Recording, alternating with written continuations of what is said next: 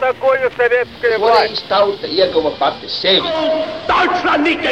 Liktenīgas nejaušības un slēptas likumsakarības, subjektīvas patiesības un objektīvi aizspriedumi. Pēc atkušņa nekad nenāk uzreiz pavasars, bet sākās Arī šodien cilvēki ir ļoti tuvredzīgi. Viņi redz to naudu, kas ir. Televīzijā jau pamatā notiek cīņa par varu. Pagātne no šodienas skatu punkta un šodienas caur pagātnes prizmu. Raidījumā šīs dienas acīm. Katru svētdienu Latvijas radio eterā Eduards Liniņš. Labdien, cienījamie klausītāji! Šais dienās savu simto dzimšanas dienu svin Latvijas kino vecmeistars, režisors Rolands Kalniņš. Leģendāro filmu Es visu atceros Ričārdi jeb Akmens un Šķembas, četri balti krekli jeb Elpojiet dziļi, Ceplis, savulaik tapšanas gaitā apturētās filmas Piejūras klimats un vairāku citu kinodarbu radītājs. 2017. gadā, kad apritēja 50 gadi kopš četru baltu kreklu īsās pazibēšanas uz toreizējās Latvijas PSR ekrāniem, veltīju divus raidījumus šai kinolentei, aicinot uz sarunu kinozinātnieces Kristīni Matīsu un Ditu Rietumu un teātra zinātnieci Ievu Struku. Šodien, sveicot meistaru diženajā jubilejā, piedāvāju jūsu uzmanībai mūsu sarunas saīsinātu variantu. No Ingas pērkones un autora kolektīva grāmatas inscenējuma realitāte. Tur Inga ir atsevišķa sadaļa ar apakšvirsrakstu cenzūra. Bet šim vārdam cenzūra ir pielikt galā jautājuma zīme, jo patiesībā tādā oficiālā un formālā nozīmē, atšķirībā no veciem cara laikiem, Padomju Savienībā nebija nekādas cenzūras. Un patiesībā man patīk tā doma, ka jēdziens plaukta filma radies tāpēc, ka Padomju Savienībā rēķinājās ar autora iegribām, tā sauktajām. Jo līdz kaut kādai filmas aizliekšanai vai nolikšanai plauktā nonāk tādā gadījumā, ja autors nepiekrīt izdarīt izmaiņas, kuras viņam nepārtraukti pieprasa dažādas instances. Un ir filmas, kurās tās izmaiņas ir nesāpīgas, mazas, un neviens to nepamana, bet ir filmas, kurām iet ar vien grūtāk, ar vien smagāk. Un četri balti krekli ir šis spilgtais gadījums. Pēc tam daudzajām izmaiņām, ko pieprasa Rolandam Kalniņam, Rolands Kalniņš finālā saka, grupa ir pateikusi gribēto. Tātad, filmu veidojot, pieprasītos labojumus nedarīšu, jo uzskatu, ka tie nav vajadzīgi. Ja padomu uzskata, ka labojumi nepieciešami, lai to dara kāds cits. Šī filma kļūst par plauktu filmu tikai tāpēc, ka Rolands Kalniņš paliek pie saviem principiem. Kā rakstīja, piemēram, Holivudā, ja kāds režisors sāk kaut ko protestēt pret producenta nospraustām vadlīnijām, pilnīgi bez jautājumiem nomaina režisoru un, un vālē tālāk. Bet Rīgas kinostudijā tas nebija tik vienkārši. Un šī plaukta filma, arī šī filma nav aizliegta. Jo aizliegt filmu pirmkārt būtu skandāls, un tas nevienam nav vajadzīgs. Viss notiek klusiņām, zem paklāja, un vienkārši gan šajā gadījumā, gan Rolanda Kalniņa otra traģiskā filma ar toreizējo nosaukumu, es visu atceros Richard, viņas vienkārši tiek oficiāli pieņemtas, lai nebūtu problēmas kinostudijas plānam, Bet viņas vienkārši tiek noklusētas tādā veidā, ka viņām uztais ļoti mazu kopiju skaitu, viņas parāda kaut kādos mazos um, nomalas kinoteātrīšos, rīta seansos, kur normāls cilvēks viņus vispār nevar noskatīties. Formāli filma ir parādīta, un tad noliek plauktā. Jā, un gadījums, kad uh, filmas ražošana tiek apturēta procesa vidū. Tās ir tās radikālās situācijas, bet Jā. tādu arī Rīgas kinostudijas vēsturē ir ļoti maz. Pījūras klimats ir gandrīz vai vienīgais spilgtākais gadījums, kad no tā administratīvā viedokļa tik daudz naudas iztērēts veltīgi, kad atļaujās to atzīt. Uzreiz jāsaka, ka šie radošie cilvēki jau tobrīd, 60. gadu beigās, bija gana trenēti visās šais saspēlēs ar nomenklatūru. Un sistēmā saistīja... daudz vairāk bija pašcensūras nekā tādas oficiālas cenzūras no malas. Tā bija medaļa ar divām pusēm. Kad vienā pusē ir šī pašcensūra, un otrā ir visu laiku mēģinājumi apspēlēt. Tāds meistars šai ziņā jau bija arī filmas literārā pirmmateriāla autors Gunārs Priede.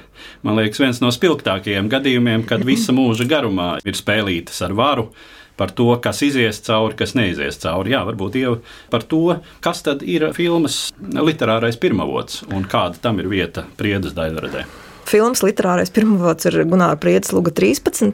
Bet runājot par visām šīm peripētijām, kas saistās ar filmu, Priede īsi pirms Lugas sākšanas dienas grāmatā fiksēja, ka Spriežot pēc mēdījiem, pēc preses, notiek staļinisma restaurācija. Tiek atkal jau kultivēta doma par to, ka 37. gadā notikušais tas ir labi.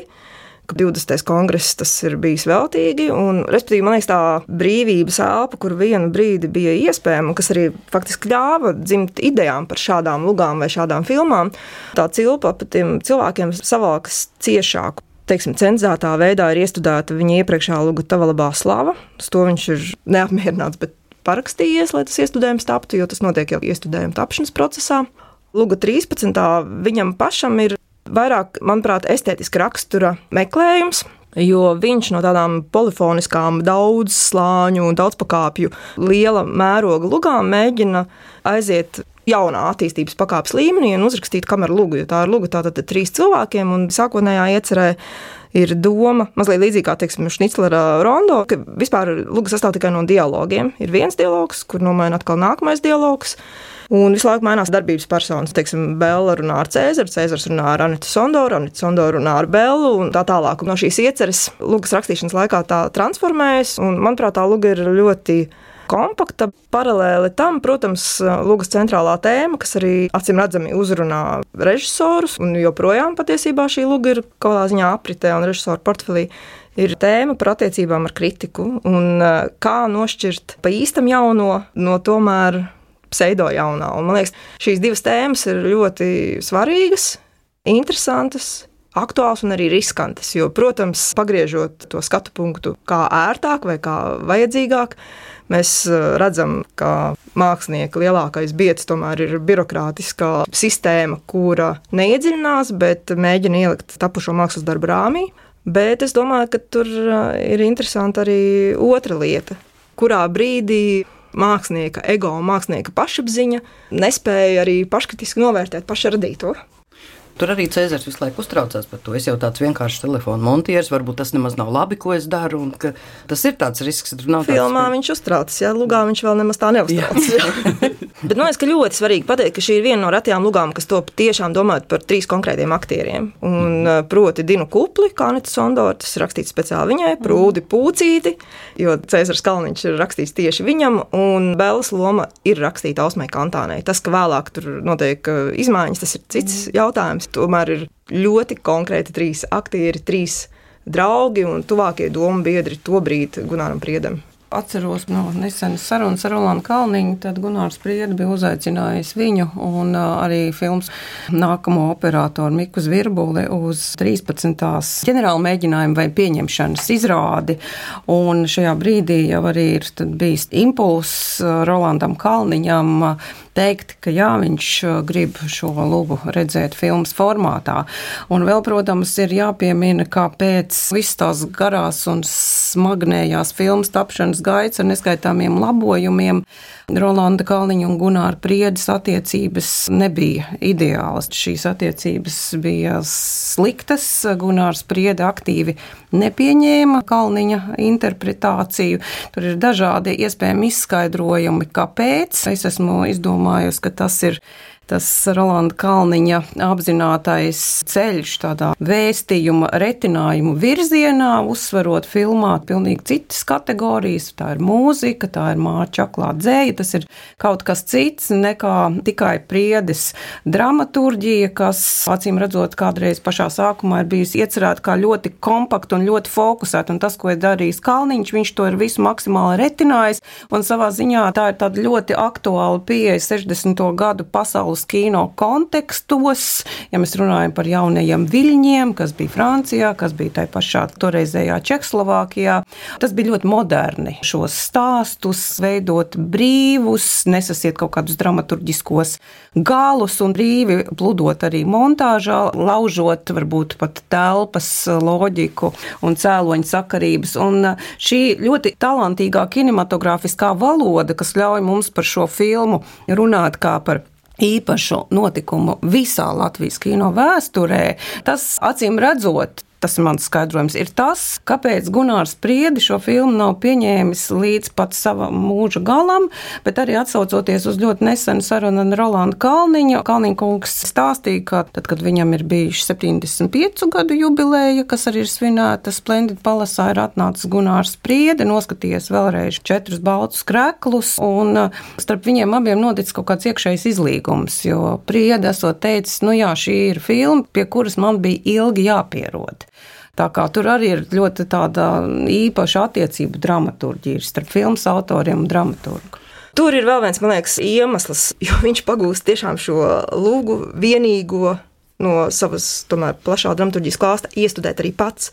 Un tajā brīdī, kad tu pats kā režisors jau esi strādājis ar tekstu, neatkarīgi no tā, vai tas ir tavs teksts vai cits teksts, tu, protams, jau jūtīgi skaties liekas, uz jebkuru interpretāciju. Mm -hmm. Un, protams, es domāju, ka kaut arī spriežot pēc visa, viņš ir cienījis aktrisu Līgu Liepiņu, bet tas, ka viņa iecerētā Osma Kantāna tomēr nenonāk Bellas lomā, ka tas arī varētu būt tāds mazliet sāpju cēlonis.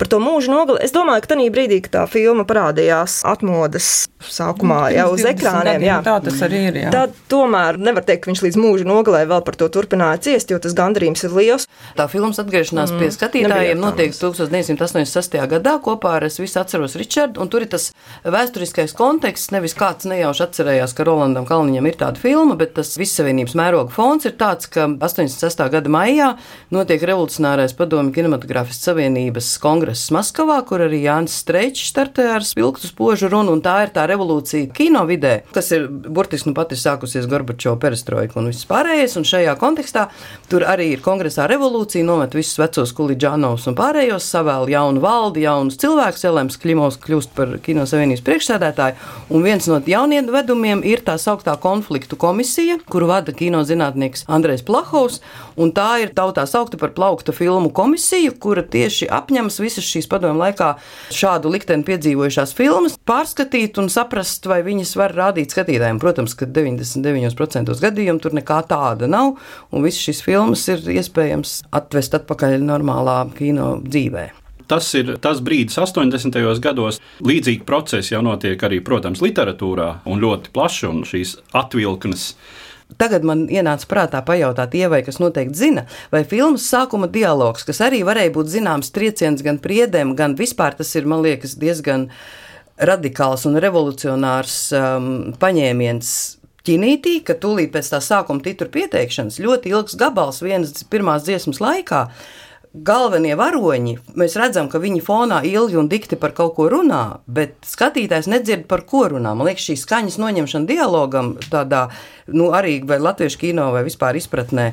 Nu, tas ir tāds ārkārtīgs pārsteigums, jo kā tad padomu kino visam ir jābūt pilnīgi skaidram un kā, kā, kā tas ir iespējams. Šeit, teiksim, no, no kino viedokļa tas ir pilnīgi lieliski. Mēs uzreiz redzam šo cilvēku attiecības bez vārdiem, kā viņi izspēlē visu to savu tuvību ļoti spilgts akords. Burtiskā nozīmē, jo tūlīt sākas mūzika, kas arī piesaka visu šo filmas emocionālo un poētisko tonalitāti, kas ir vesela tēlu pasaule un ļoti patstāvīga.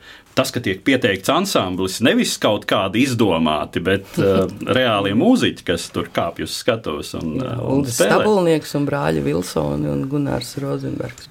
Es droši vien esmu ļoti subjektīva, bet, manuprāt, četri balti krekli vispār ir visu laiku vislabākā filmu Latvijas kino vēsturē. Tur arī ir ļoti daudz neatbildētu jautājumu, kā režisors, kurš kā tajā laikā daudzi nevarēja sekot līdzi pasaules kino aktualitātēm. Bija kaut kāda saskarsme, bet šī saskarsme bija limitēta, fragmentāra. Daudzas rietumu filmas, kurās ir izmantot līdzīgi paņēmieni, nonāca līdz Latvijai ar pat 5, 6, 7 gadu laika nobīdi. Rietumu filmas bija ļoti maz, kas nonāca vispār apritē. Kā šie kino cilvēki, kur, protams, bija mazliet vairāk izredzēti, jo viņiem bija īpaši seansi, viņi redzēja mazliet vairāk nekā normālais mirstīgais skatītājs, bet kā viņi uztvēra tik precīzi šo 60. gadu kino estētiku, kas tā kanoniski ir hrestomatizējusies tieši franču kino pieredzē, franču jaunais vilnis. Jo pēc sarunām ar Kalniņu kungu es sapratu, ka tajā laikā, kad viņš strādāja pie četriem baltiem krēkliem, viņš šīs filmas faktiski nebija redzējis. Kādā veidā šie strāvojumi, šī izteiksme, šī estētika tomēr ir bijusi tik līdzīga, kas ļauj šo filmu salīdzināt ar tā laika pasaules kino kontekstiem, avangardiskākajiem kino strāvojumiem. Jo, protams, vispārējais, kas notiek Rīgas kino studijā, tā ir tāda ļoti sirsnīga uzticība sociālistiskā realisma kanonam ar lielākiem vai mazākiem tādiem humanizācijas elementiem. Jā, kaut kur blakus dzimst Rīgas poetiskais dokumentālais kino, kas tomēr ienes citu pasaules sajūtu šajā padomju estētikā. Un tad ir Rolands Kalniņš, kurš ir viens un vienīgs šajā spēļu filmu galā, kurš strādā kopā ar izcilo operatoru Miku Zvirbuli, kuram noteikti ir ļoti liels ieguldījums Rolanda Kalniņa vairāku filmu estētikā. Gan četros baltos kreklos, gan viņu agrākajā kopdarbā. Es visu atceros Ričardu, kam arī bija sarežģīts un samocīts liktenis. Tā kā tur ir daudz neatbildētu jautājumu, mēs varam tērzēt, kas un kā, bet faktiski šī filma ir fenomenāla un tāpēc izcila. Acīm redzot, te ir jārunā par kaut kādu laikmeta garu, kuru nav varējis aizkavēt būtiski pat dzelzs priekškars. Jo līdzīgi procesi jau notiek arī citās sfērās, visā kultūras dzīvē, politikā, 60. gadu beigas. Tas ir politisks viļņošanās periods ar studentu nemieriem Francijā, ar līdzīgām kustībām Savienotajās valstīs, kā nu kur tas ir iekrāsots. Mm ja? Bet nu, arī tā tad padomju telpā. Līdz Prāgai patiesībā. Jā. Tiešām uzreiz ir jāpiesauc Pētera Petersona imanta ziedoņa motocikls, kas poetiskā teātris pilkta dzimšana, kas saceļ kājās visu Rīgu un kur no reāls nav ne smakas. Tātad tomēr tā vēlme aiziet prom no sadzīves un no realisma ir vairākās mākslas jomās. Es varu sadrēt, ka viss šis posms ir iešana prom no sociālistiskā realisma, kuru tiešām piegriež Prāgas epopeja, ka tiešām arī šeit viss brīvais gaiss tiek izpumpēts. Bet man ļoti patīk tā līnija ka var, protams, runāt par idejām, kas lido gaisā, bet ir ārkārtīgi interesanta un nemanāma, bet ļoti būtiska ietekme arī, piemēram, tehnoloģiju attīstībai. Piemēram, Rīgas poetiskais dokumentālais kino dzīma Viens no lieliem iemesliem ir tas, ka Uldim Braunam, kā operatoram, pirmajam bija drosme paņemt rokā jauno platekrāna kameru, kas bija atsūtīta uz Rīgas kinostudiju, ar kuru vecāku vārdu vienkārši nestrādāja, jo viņi ir pieraduši vālēt ar savu daudzmaz taisnstūra kvadrātīgā kadrā cilvēks iekadrēts, ir pilnīgi viena sajūta. Platekrāna formātā, uzreiz no visām pusēm, gluži nemanot, viņu papildina vide. Šis cilvēks jau burtiski nemainot to, ko viņš runā, vai pat nemainot to, kā operators filmē, fiziski ir pilnīgi cita sajūta uz šo cilvēku skatoties. Vai, piemēram, sinhronā skaņa ieraksts tehnika, kas arī ļoti daudz izdarījusi. Tāpat, teiksim, Ulda Brauna sadarbība ar Armīnu Leīņu Latvijas kino vēsturē 60. gadu sākumā. Tā vairs nav milzu grabošā kamera ar nenormālu oriģinālu skaņu ierakstu koferiem, kuru priekšā šis filmējamais cilvēks momentā sabīstas, dabū augsts kājas un vairs nevar parunāt. Un pilnīgi cita lieta ir, ja filmas autors pienāk ar viņam pabāž nemanāmu verķīti zem deguna, vienkārši tā saruna ir daudz cilvēciskāka, un tas, protams, ietekmē arī to kino gan domāšanu, gan iespējas. Gan kā tas izskatās uz ekrāna, protams. Arī. Jā, un kā to uztver skatītājs caur to. Domājot par filmu Četri balti krekli, jeb elpojiet dziļi, fascinē tas, kā tur ienāk tā laika latviešu modernā profesionālā māksla visdažādākajos aspektos. Tur pīgoznis atveido pats sevi savā mākslinieka darbnīcā. Citu, tas man likās drusku dīvaini, ka viņš uzvilcis baltu kreklu un ar kaklu saiti glezno, bet varbūt tā viņš ir darījis. Brāļi Kalniņi pie galdiņa restorānā šīs mm. visnotaļ atpazīstamās personības un skatās un klausās Jā. Imanta Kalniņa komponēto mūziku un Ligera pantomīma, un Oļģerts Kroders kā viens no tās padomas komisijas, Arī, kurš iet ārā un saka, tīri normāli jau vispār. Tas viss ir ārkārtīgi fascinējoši ikvienam, kas kaut drusku to laiku ir pieredzējis un nogaršojis. Bet šis niķis arī ir raksturīgs franču jaunā viļņa režisoriem, kuri filmēja savus draugus, paziņas un šo bohēmisko vidi kaut kādās sīkās lomās. Vairumā gadījumā šeit ir draugi un paziņas ir būtisks personības kultūras vēsture. Tie, tieši tā, nu šis tā ir tas pats sakā. gadījums. Jā.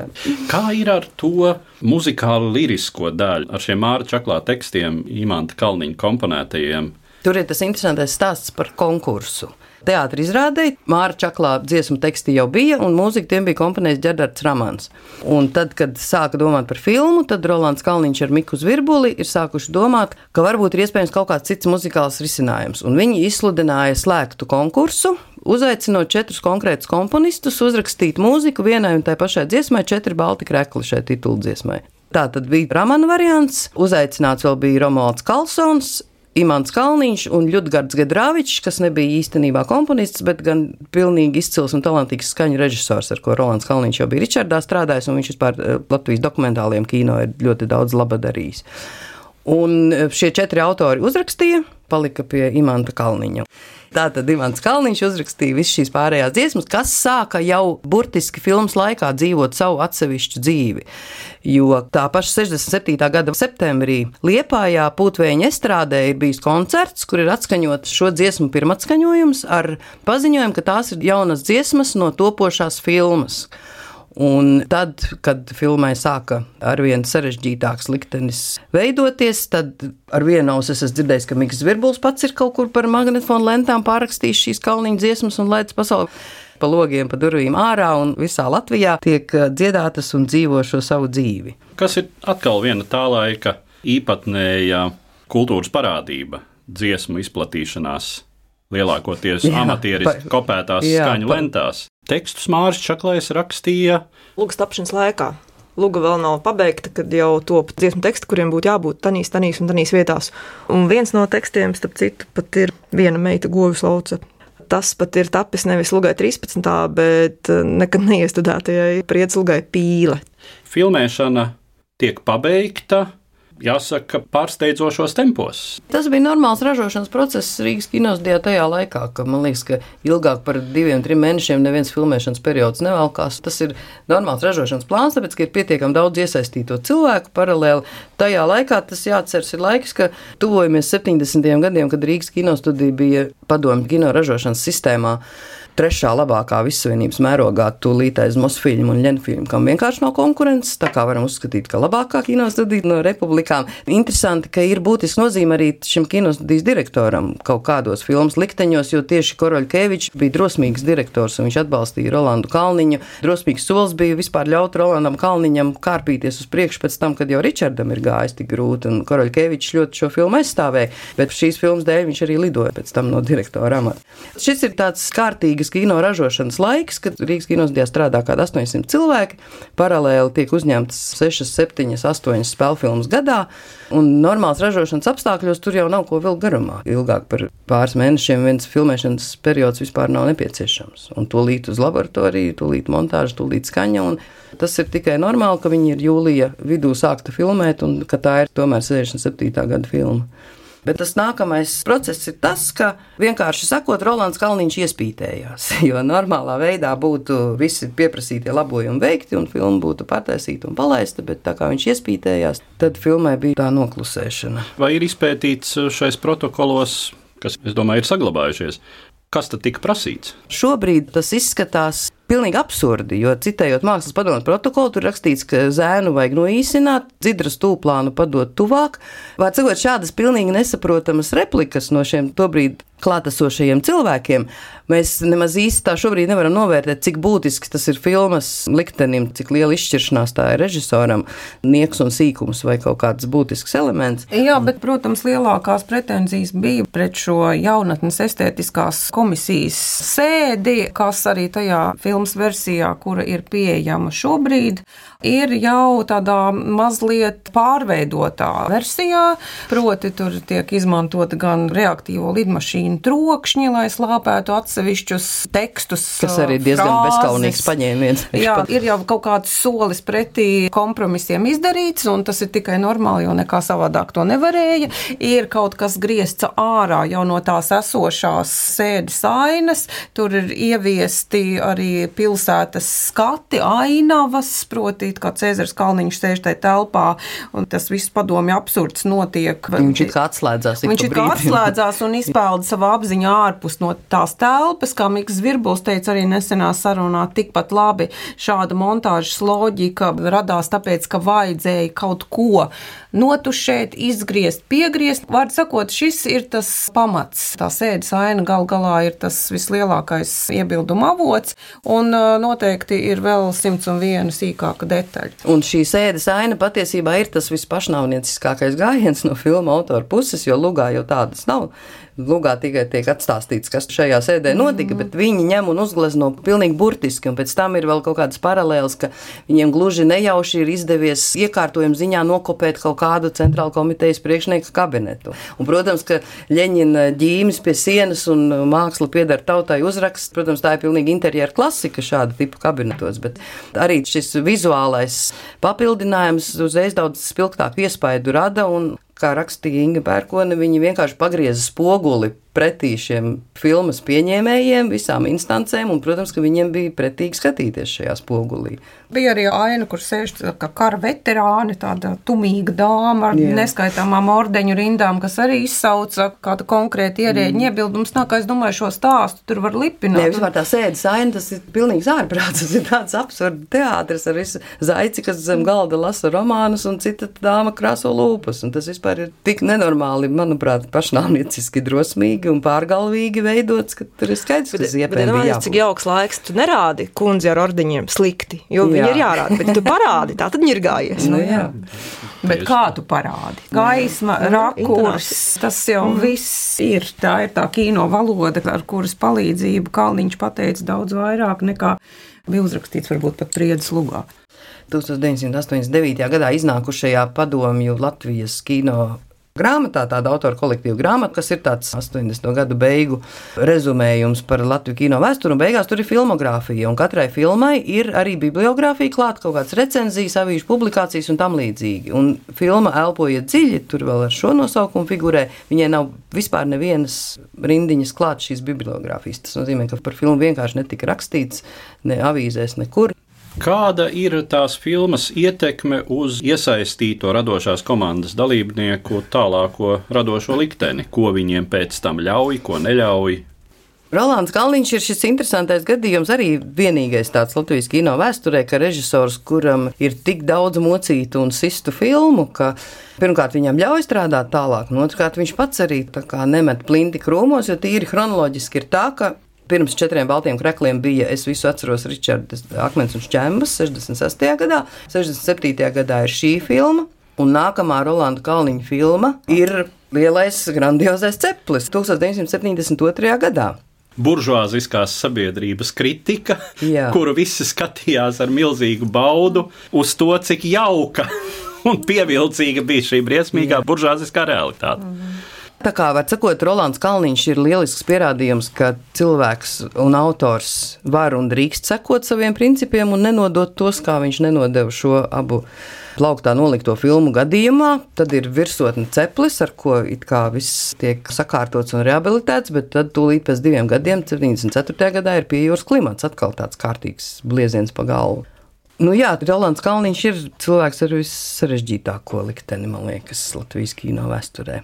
Bet viņš nenoliedzami ir arī visunikālākais liktenis Latvijas kino vēsturē. Tagad es atļaušos nocitēt Miku Zvirbuli, ka zinot to, kas ir Rolands Kalniņš, un zinot to, ka viņam ir nepabeigta vidējā izglītība, viņa ceļš Latvijas kino vienkārši arī ir fenomenāls.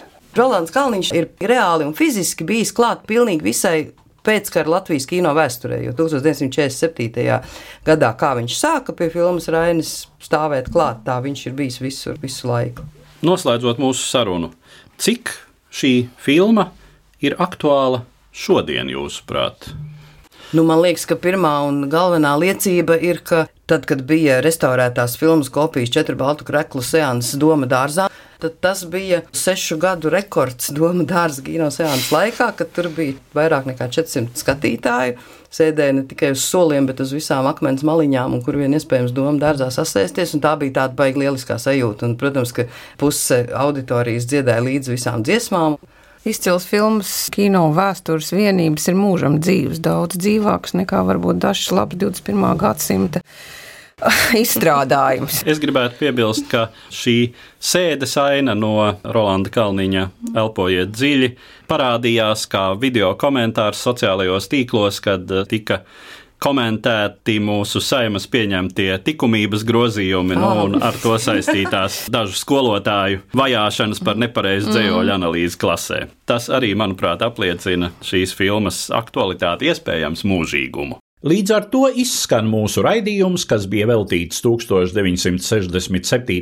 gadā tapušajai Rīgas kinostudijas filmai Četri balti krekli un tās režisoram Rolandam Kalniņam. Šais dienās Latvijas kino vecmeistars svin savu simto dzimšanas dienu. Manas sarunbiedres bija kinozinātnieces Kristīne Matīsa un Dita Rietuma un teātra zinātniece Ieva Struka. Sveicot Rolandu Kalniņu ražanajā jubilejā, es noslēdzu šodienas sarunu. Uz redzēšanos, cienījamie klausītāji! Katru svētdienu Latvijas radio viens par pagātni sarunājas Eduards Liniņš.